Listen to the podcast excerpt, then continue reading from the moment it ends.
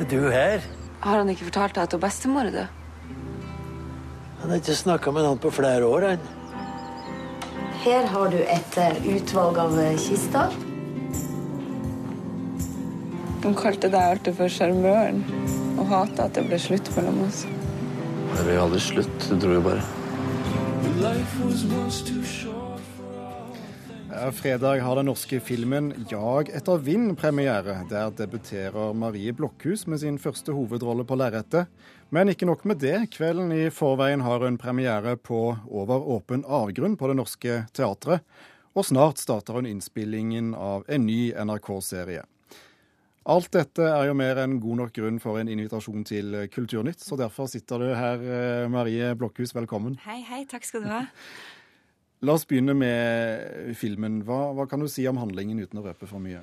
Jeg kan si at eh, den handler om eh, ei jente som heter Anna, som ikke har eh, vært på det stedet hun vokste opp på ti år.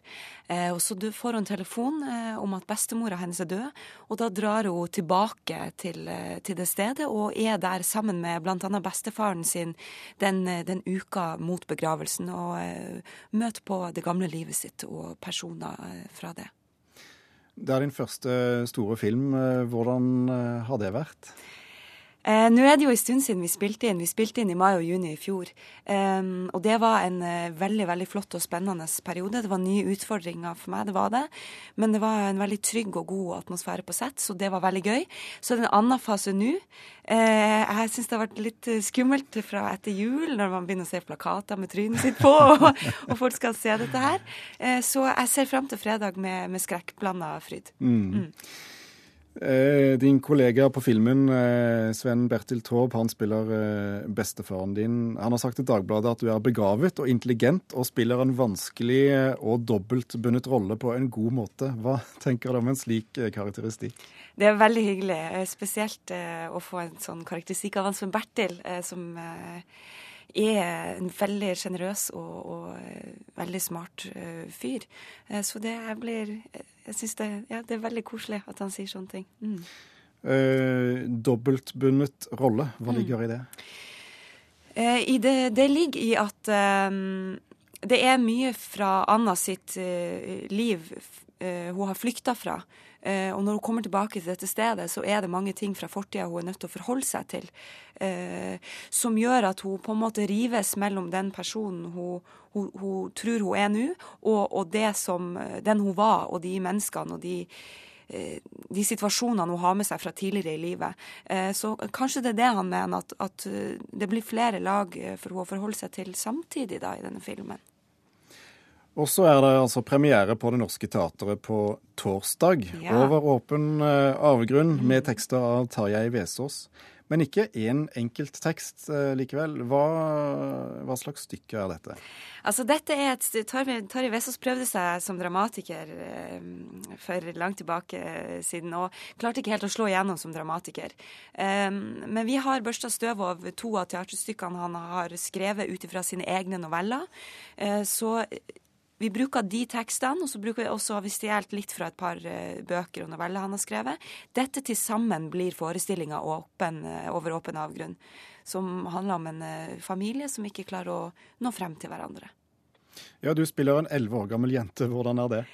Eh, Det er kjempegøy. Eh, Det syns jeg jo er det deilige med teatret. At, eh, at man kan spille karakterer som er ganske forskjellige fra seg sjøl. Og der spiller jeg elleve år gammel jente som heter Anne, som, som er i en familie som har vanskelig for å kommunisere med hverandre. Og i filmen så spiller jeg ei litt eldre jente som heter Anna, som også har problemer med å kommunisere med familien sin. Så det er også noe likhetstrekk mellom de to prosjektene. Er det tilfeldig, eller har du en dragning mot den typen oppdrag? Eh, Nei, akkurat dette, dette er nok eh, tilfeldig. Mm. Um, nå som du har smakt på det å, å spille inn eh, film, eh, vil du skyve teateret litt bak deg da, eller? Og nei, teatret er en stor del av meg. Eh, en del jeg ikke noen gang kan klare å skille meg fra.